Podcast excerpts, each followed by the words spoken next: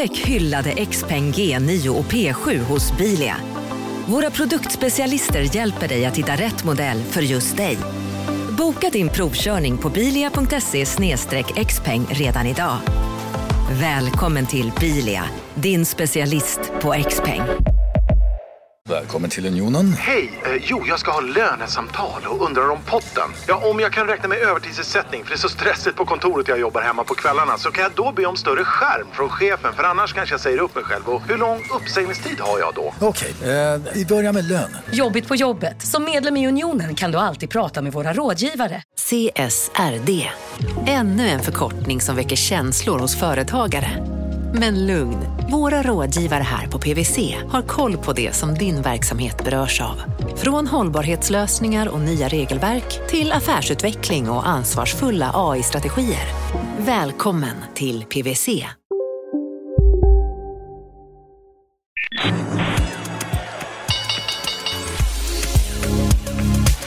Det här är Affärsvärlden Magasin med Helene Rådstein.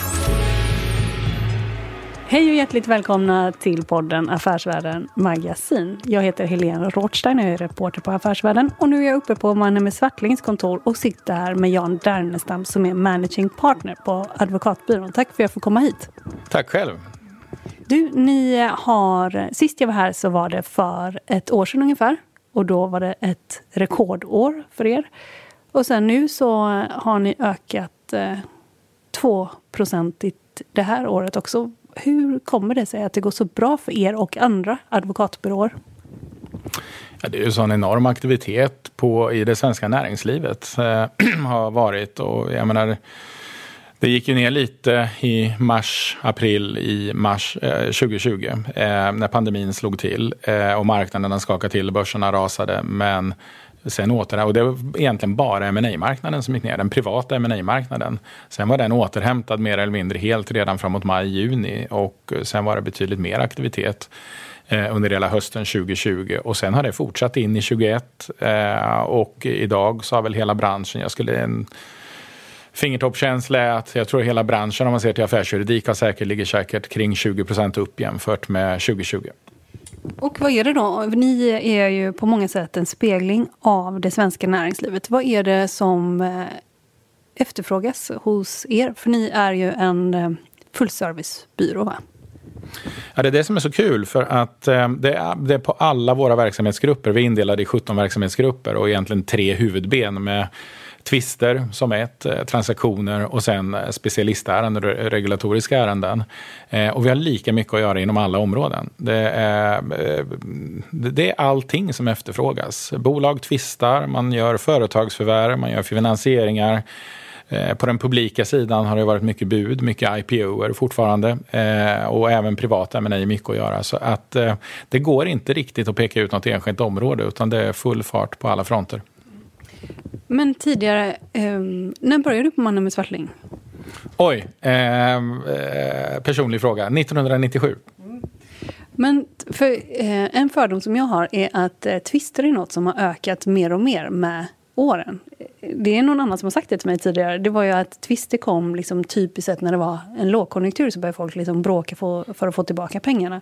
Hur kommer det sig att man ser så många twister nu som pågår liksom hela tiden? Har man blivit mer bråkig liksom, i näringslivet? Ja, till viss del så har det nog blivit amerikaniserat så. Eh, det stämmer det du sa. Förut fanns alltid sammanhanget där att lågkonjunktur, då var det gungor och karuseller. Då gick det ner på transaktionssidan, upp på tvister. Det stämde ända fram till 2008 egentligen, den stora globala finanskrisen. För då då gick inte tvisterna upp i samma utsträckning som tidigare för det fanns inte pengar att tvista om, var det många som bedömde. Det var inte värt. Vi, vi gör ju de största, framförallt gör vi stora internationella skiljeförfaranden, de största inhemska tvisterna.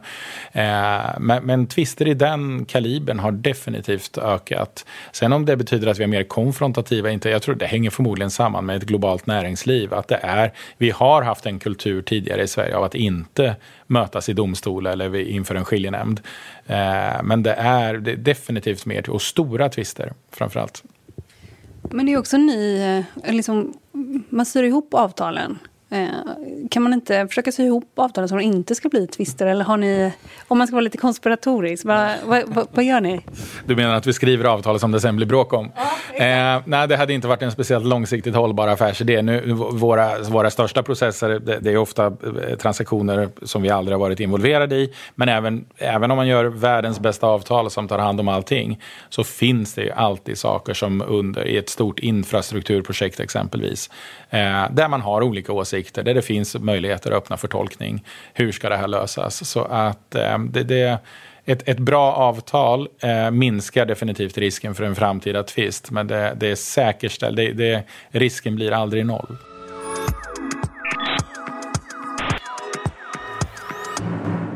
Förra året så drog ni in eh, drygt 1,4-1,44 miljarder i intäkter. Och så stora har ni aldrig eh, varit tidigare. Samtidigt, och nu var ni upp 20 procent eller något sånt.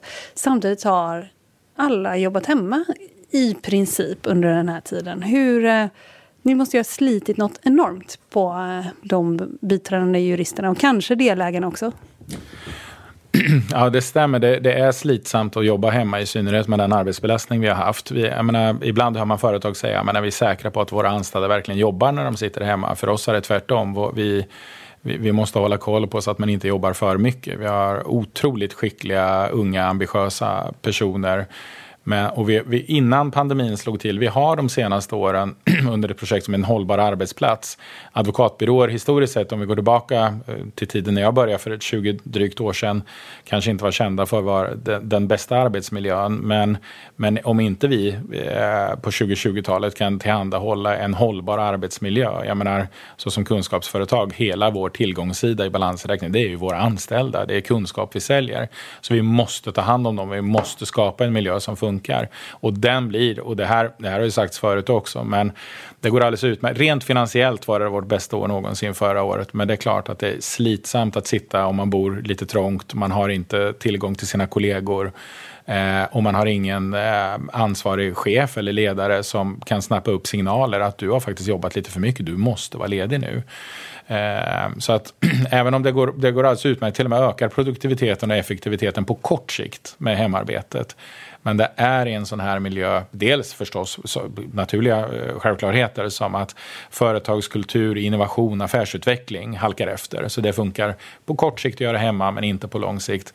Eh, men framförallt så våra anställdas hälsa. Sen tog vi redan från dag ett när pandemin slog till, när vi började jobba hemma i mars 2020, så anlitade vi en arbetspsykolog som heter Jens Näström som vi brukar ha. Så han har hjälpt oss att köra medarbetarundersökningar varannan, var tredje vecka och hela tiden. Så vi har några mätpunkter så vi hela tiden ser hur mår man. Och sen givetvis på individnivå och sen är det upp till varje projektledare, upp till varje delägare Eh, och ansvarig projektledare att, att också hålla kontakt. Allt från walk and talks med, med yngre anställda och att vi ändå även under hemarbetet har försökt se så mycket som möjligt. Nu börjar vi befolka våra kontor igen och det, det, var, det var verkligen en helhetsbedömning vi var göra. Visst, det finns fortfarande en smittorisk. Vi förväntar oss i och för sig att alla är vaccinerade. Men i en helhetsbedömning så är hälsoriskerna, bedömer vi nu, större av att fortsätta arbeta hemma i ensamhet snarare än att gå tillbaka till kontoren. Och skulle du säga att den risken gäller alla anställda oavsett var man befinner sig i bolaget, alltså delägare och biträdande jurister? Ja, det, det, är nog inte så kopplat till vilken roll man har och vilken personlighet. Vi, vi, har ju, eh, vi har ju personligheter som verkligen har trivts och trivs fantastiskt bra och fungerar bättre att jobba på en distansmiljö hela tiden. Några vill göra det ibland. Men ska man hitta någon, någon koppling eller någon röd tråd så kan man säga ju yngre man är desto tuffare har man haft att arbeta hemma. Det är enklare i en seniorroll. När man är en arbetsledande roll och projektledare så är det lättare att fördela arbete och så än att vara den som, som sitter och ska utföra allting som kanske känner att man inte har kontroll på sin tillvaro på samma sätt. Så att eh, man är lite privilegierad ju äldre man är och, och allra svårast har det varit för att vara yngsta. Du är ganska noga med, du, du, är bolagsrättsligt så är du ju vd, men du är ganska noga med att påpeka att du inte är vd för eh, Eh, mannen med svartling. Varför eh, är du noga med det? Vi är angelägna om att vara ett partnerskap. Vi är 83 delägare som äger byrån tillsammans. Så skulle jag stå och peka med hela handen och, och tro att jag är eh, the big boss så skulle vi eh, för det första skulle inte accepteras och för det andra skulle, skulle vi tappa dynamik. Rätt vad det är så, så glömmer man bort att man som delägare ska vara entreprenör, man ska vara arbetsgivare, man ska vara projektledare och en entusiasmerande ledare i korridoren. Man får inte bli en tjänsteman som sätter sig och åker med bara i baksätet. Och har man då en vd som pekar med hela handen, ja i vår miljö funkar inte det riktigt. Självklart så är det en balans mellan effektiv management och och själva partnerskapsbiten. Så att enklare småfrågor, absolut. Men när det gäller de stora strategiska besluten, då vill vi ha med alla delägare på båten. Vi vill diskutera på delägarmöten, eh, vi vill nöta och blöta, vi vill inte ta några förhastade beslut där, utan eh, vi vill ha en buy-in från så många som möjligt. Eh, så det, det, det är en balansgång man får gå när man är MP på en advokatbyrå.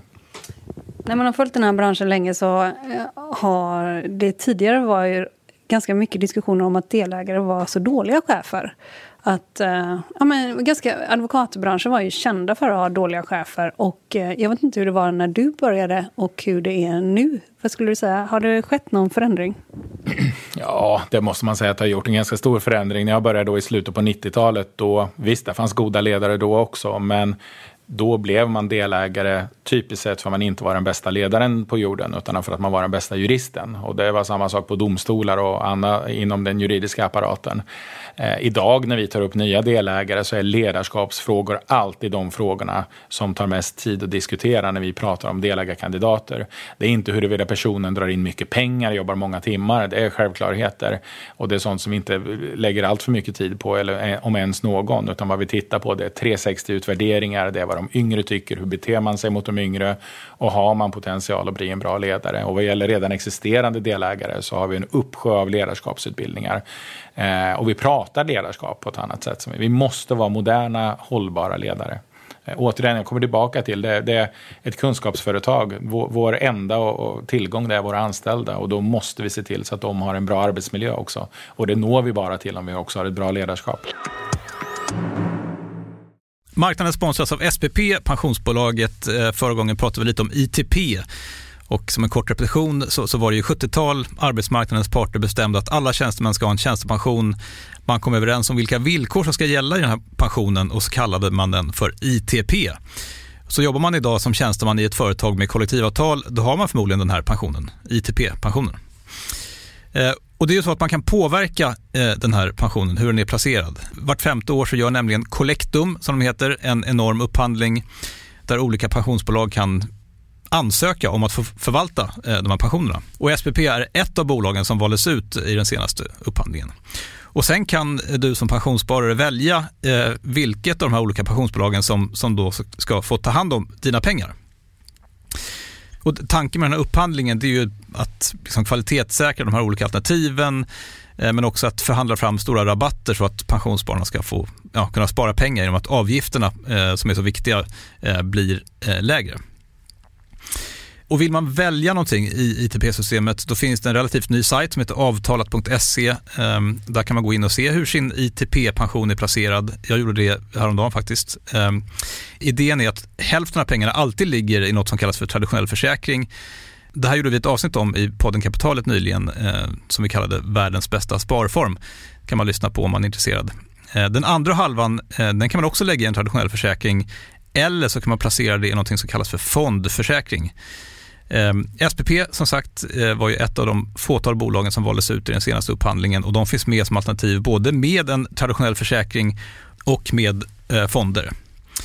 Så det var en liten bakgrund till ITP-systemet. Vill man läsa mer om det här eller typ kolla hur ITP-pensionen är placerad, eh, kanske göra förändringar, då går man in på avtalat.se Eh, men tack säger jag till SPP som vill göra oss människor mer medvetna om hur enormt viktig pensionen är för oss som en framtida lön, men också som en positiv kraft i samhället eh, och förstås för att ni möjliggör eh, den här podden Marknaden.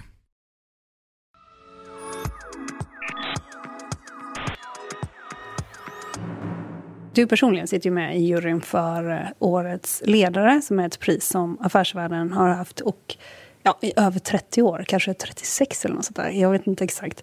Men eh, vad tycker du, om vi tittar på det svenska näringslivet, vad, ser du någon så här röd tråd av de ledare som ni har utsett eller som man ser också blir allt mer populära? Ja, jag tycker det har skiftat. Jag har suttit med i den här juryn i, vad är det nu, sju år tror jag, sju eller åtta år. Och Självklart, det finns ett antal, det är ganska väl uppställda kriterier från, från grundaren av det här priset, Årets ledare, vad man tittar på. Man ska, led, eh, man ska ha varit ledare i med och motgång, man ska ha visat att man klarar en omställning, en turnaround.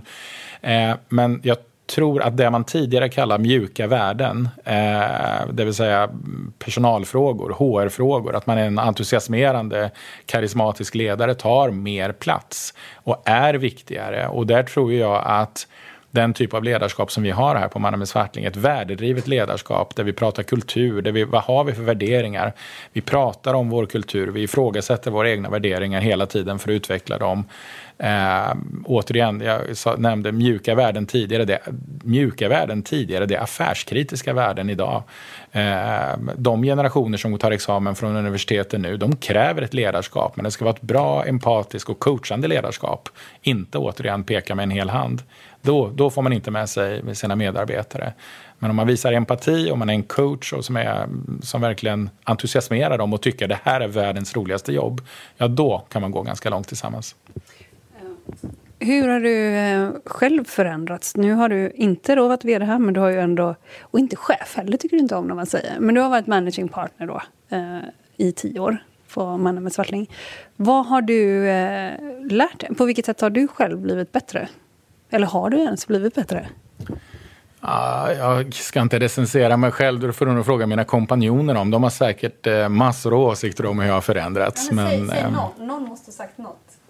Nej, ja, jag vet, vi, ja, vi gör ju 360-utvärderingar av varandra, men eh, förhoppningsvis leder det inte till... Jag menar, eh, förhoppningsvis har jag inte blivit mer full av mig själv under åren, utan tvärtom att man är mer komfortabel i rollen och att man inte behöver hävda sig eller visa att man har en viss roll. för att... Och sen får man heller inte glömma att det är inte en person, det är inte din personlighet typiskt sett, utan mycket följer med rollen. Eh, du får ett mandat i med en roll du ikläder dig och det där är det ganska viktigt att komma ihåg att du kan ha en, eh, du får en viss ställning på grund av rollen, inte på grund av att du är du just. Eh, sen, sen självklart så, så, så vad det gäller eh, rollbesättningar och så, så får den förstås för att du är du. Men vad jag menar är att man, man måste se lite ödmjukt på att mycket av det som det innebär i att ha, vanlig, oavsett vilken nivå man är ledare på, man är projektledare, det, det kommer med rollen. Så man ska inte stå där och dunka sig på bröstet allt för mycket och eh, boosta sitt ego bara och tro att man är, man är eh, den stora gåvan till ledarskap. För mycket sitter i själva rollen också. Det finns ju olika kulturer på olika advokatbyråer. En, eh, som jag har förstått det, så tycker du i alla fall att en kulturbärande faktor är sättet ni delar på vinsten i byrån. Eh, kan du förklara det? Eller har jag rätt ens? ja, du har rätt att, att det, är no, det, är en stor del av vår... Ja, men vi är den enda stora advokatbyrån eh, i Sverige där vi har vad man kallar pure lockstep. Att 100% av vinsten varje år delas exakt lika mellan delägarna. Oberoende av hur många timmar du jobbar, vilket ämnesområde du jobbar inom, eh, vilket kontor, sitter du i Singapore, New York eller Stockholm, det spelar ingen roll. Vi delar lika på vinsten och syftet med det det är att vi vill inte ha någon intern konkurrens. Vi vill att vi, vi, vi ska vara, det kan låta lite fairytale, men det ska vara en, en miljö med öppna dörrar, högt i tak, där man vågar gå in och fråga, där man är stolt över att dela med sig av sin kunskap. Och hela poängen med det, det är ju också att, att våra klienter alltid, när de går till Mannen Fackling, då ska de veta att man behöver inte ta risken att den personen som får uppdraget tar det för att den personen tjänar mer på det själv, utan det ska alltid vara den mest lämpade specialisten som tar det. Eh, och ibland kallas det här ett kollektivt system eller till och med ett socialistiskt system. Men det är faktiskt det, det ursprunget är the Cravath Model som det heter. Det är, det, det är ett amerikanskt system. Från början var alla Wall Street-firmor i USA hade det här systemet. Man delar exakt lika på vinsten. Så det är ett amerikanskt vinstdelningssystem. Det är väl lite sådär legendariskt? Ja, bland professional services så brukar det ju anses vara det. Eh, det finns ju böcker skrivna och de, de firade sitt 200-årsjubileum här för ett par år sedan. Så det, det är en fantastiskt välskött advokatfirma med superhög kvalitet. Eh, som, som många gärna vill efterlikna. Men sen, sen är ju det här systemet också utsatt för en press. Eh, mest styrt av en amerikanska advokatfirmor gick in i London och började köpa över delägare från andra byråer. Och tittar man på de stora, de fem största Londonfirmorna som brukar gå under namnet Magic Circle eller numera kanske mer och mer Global Elite eh, var alla lockstep-firmor från början. Sen eh, när amerikanerna började komma in i London på 90-talet och sen har det accelererat under senare år med olika golden handshakes och bonusar. Och då är det klart, då är det svårt att försvara sitt lockstep-system om man helt plötsligt eh, hamnar under attack från en lite mer aggressiv firma. Så det är många byråer som har gett upp sitt lockstep-system. Men vi är några ihärdiga, eh, vi är sju, åtta byråer i alla fall runt om i världen som, eh, som stenhårt håller på detta. Och vi träffas ganska mycket, vi pratar om det här och hur vi kan behålla, för vi vi och även många av de byråer som har gett upp, det, det är med stor sorg man har gett upp det här systemet. För det skapar en helt oöverträffad kollegialitet där man är generös mot varandra och inte minst att det hjälper klienterna. Eh, de vet att de har en hel organisation bakom sig. Eh, så de byråer som har tvingats överge systemet har gjort det med sorg. Eh, man blir mer av en corporate. Jag kommer tillbaka till vad vi pratade om. Du pratade om hur man är som ledare för en advokatbyrå, att man inte får vara något av en vd. Eh, återigen kommer tillbaka, det är ett partnerskap och i det ligger väldigt mycket hur man fördelar vinsten. Eh, men hjälp mig och andra kanske också att förstå. För att om du är en delägare som drar in extrema, extremt eh, stora pengar och det är ju också fördelat lite efter vad du sysslar med väl? Ja. Eh, då får du behålla mer själv. Och då har man också lockat över liksom de amerikanska byråerna har också lockat över andra genom att erbjuda mm, enskilda delägare då väldigt, mycket, väldigt stor ersättning och då kan man inte ha det här systemet. Är det så man ska förstå det? Eller? Ja, man måste se till att man har någonting eh, som attraherar mer än bara det monetära. Sen måste man ha en grundläggande god lönsamhet, för, för någonstans går ju gränsen förstås. Men den vanligaste frågan nästan jag får när jag berättar om vårt vinstdelningssystem det är men hur tar ni hand om alla freeriders och underperformers? Och då brukar jag förklara att ja, men det är inte det som är problemet. Vi har inga sådana. Folk som jobbar i den här miljön, de är väldigt drivna, väldigt ambitiösa. Den relevanta frågan, hur tar ni hand om, lite det du är inne på, hur tar man hand om sina superperformers? Mm. Hur får man de som är superperformers att stanna, att vilja stanna? Så vi måste hela tiden, sen kan jag säga att det finns spreaden mellan det ska inte överdriva skillnaden. Spreaden mellan högst intjänade och lägst intjänade är den är, den är väldigt liten. Det är deltat, det är inte speciellt stort. Vi är också angelägna om att vi inte mäter, vi mäter inte ens på individnivå. Vi tittar på verksamhetsgrupper. Så att den enskilde delägaren mäts inte på sina siffror utan vi tittar på hur klarar sig gruppen och sen är det upp till gruppen att hantera. Eh, och sen har vi inte ett lönsamhetsmål. Eh, det är inte heller så många kanske som tror på. Vårt mål är att leverera absolut högsta kvalitet, alltid. Sen kommer lönsamheten som ett resultat om vi har lyckats leverera den höga kvaliteten. Och det låter också lite fairytale-likt, men det är en väldigt skillnad vilket mindset du har.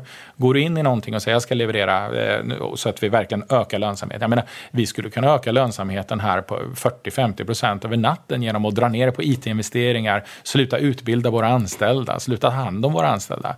Men vore det långsiktigt? Nej, det skulle öka vinsten i ett par, tre år. Så även där måste vi ha en långsiktig syn och det tror vi det är att, att bibehålla det här systemet och, och visa att det är hållbart i längden. Fokusera på kvaliteten och sen kan lönsamheten komma som resultatet av den. Men i tider då där man har haft otroligt mycket att göra, liksom eh, extremt många år och så, där, så pratas det ju också om kampen om talangerna och mm. om vi har det här att eh, pengar fortsätter jaga avkastning och så vidare. Liksom, ökar det också pressen delvis? Nej, det gör, alltså, vi är väldigt noga. Vi förklarar för första anställningsintervjun och verkligen förklarar vårt system för de som söker hit att eh, är du beredd att jobba, om du ser att du dag efter dag jobbar fler timmar än personen i rummet bredvid.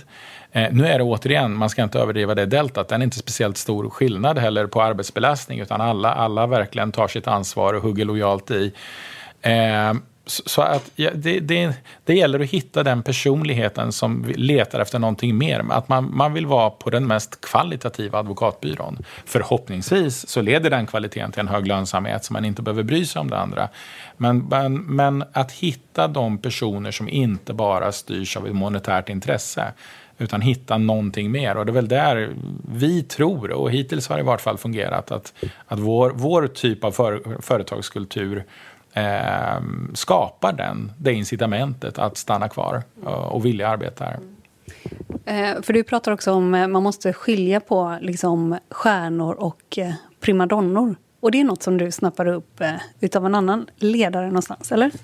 Ja, det var mitt första delägarmöte jag var med på. Då hade vi eh, Karin Forseke som då var vd på Carnegie på besök. Och hon, eh, när hon var helt ny förklarade hon, när hon var ny eh, vd, så slängde hon ut primadonnorna men behåll stjärnorna. Och det där illustrerar väldigt väl hur en framgångsrik advokatbyrå funkar. Vi vill ha stjärnorna, men stjärnornas mål med sitt jobb här måste vara att stärka varumärket Mannen med Svartling och inte det egna individuella varumärket. Så jag, jag, tycker det är en fantastiskt bra liknelse Karin gjorde där. Man ska, man ska vara en stjärna, men man får inte bli en primadonna. Men i kampen om talangerna då, om att behålla eh, biträdande jurister, man har en eh, bransch som går på högvarv, folk jobbar hemma. Man kan ju sitta och prata företagskultur hur mycket man vill, men när folk jobbar hemma så är det ju inget man känner av och nya och sådär. Hur har det påverkat de unga juristerna som ni tar in? För det är många per år, eller hur? Ja, det, det, är världens bästa fråga du ställer. Och som jag sa, det är just eh, företagskultur, affärsutveckling, innovation som, som sackar efter när man jobbar hemma. Och, och, och, jobbar du hemma riktigt länge, ja då spelar det till slut inte någon roll vart du arbetar, vilket företag du är på. Då, då, kulturen är väldigt svår att få ut, för kulturen är så mycket beroende av att vi ses. Man ser hur man... Alltså kultur, man kan ju fråga sig det filosofiskt, vad är kultur? Ja, det är sättet vi gör saker på, våra värderingar. Och de är väldigt svåra att hantera och sprida på, på distans eh, när man inte ses. Så det, det, det, är den mest viktiga faktorn till varför vi behöver... Även, sen ska vi kunna tillhandahålla en flexibel arbetsplats även i framtiden. Eh, men det är viktigt att tomvikten på arbetet ändå är på kontoret. Rent socialt självklart också. Och Eh, det är, inte speciellt kontroversiellt för våra anställda längtar tillbaka till kontoren. Eh, man vill träffas, man vill ses. Det är ju sociala varelser trots allt. Eh, men företagskulturen är väldigt svår att... Det, det, det, fungerar ett tag, det har fungerat hittills, men vi börjar nog nå ett, ett läge nu när vi har ju anställda som börjar, men började man i februari 2020 så har man snart jobbat ett och ett halvt år och knappt varit på kontoret. Eh, marknaden sponsras av Karla. Eh, vi pratar ju en hel del om bilar här på kontoret. Eh, Karla har ju skapat, skulle jag säga, det som är standarden för hur man idag köper och säljer bilar på nätet. kort bakgrund bara. Karla säljer och leasar begagnade elbilar och laddhybrider på karla.se. Alltså en helt digital upplevelse. Och man har gjort det här med ett nästan maniskt fokus på vad en bilköpare faktiskt behöver. Jag gjorde ju en intervju med en av grundarna, Patrik Illerstig, i marknaden här eh, ganska nyligen, eh, daterad 25 mars, om man vill lyssna på den. Eh, men där berättar han hur de kom in i det här lite från vänster för att försöka uppfinna hela den här liksom bilköpupplevelsen från början. Och de har idag, vilket är rätt otroligt, 4,8 i betyg eh, på Trustpilot. Jag, jag har sett många företagssidor på Trustpilot, men det här är nog bland eh, det bästa jag någonsin sett eh, faktiskt. Man kan sälja bilen till Karla också. Eh, då går man in på karla.se, delar lite info om bilen, sen får man en gratis värdering och ett bud. De hämtar bilen helt gratis i hela Sverige och så har man pengarna på kontot i samma stund som de hämtar bilen. Det är grymt. Eh, så ska du köpa en ny bil eller sälja din gamla, eller båda delar för den delen, gå in på karla.se och eh, kolla. Alltså karla.se och Karla stavas med C. Tack så mycket till Karla.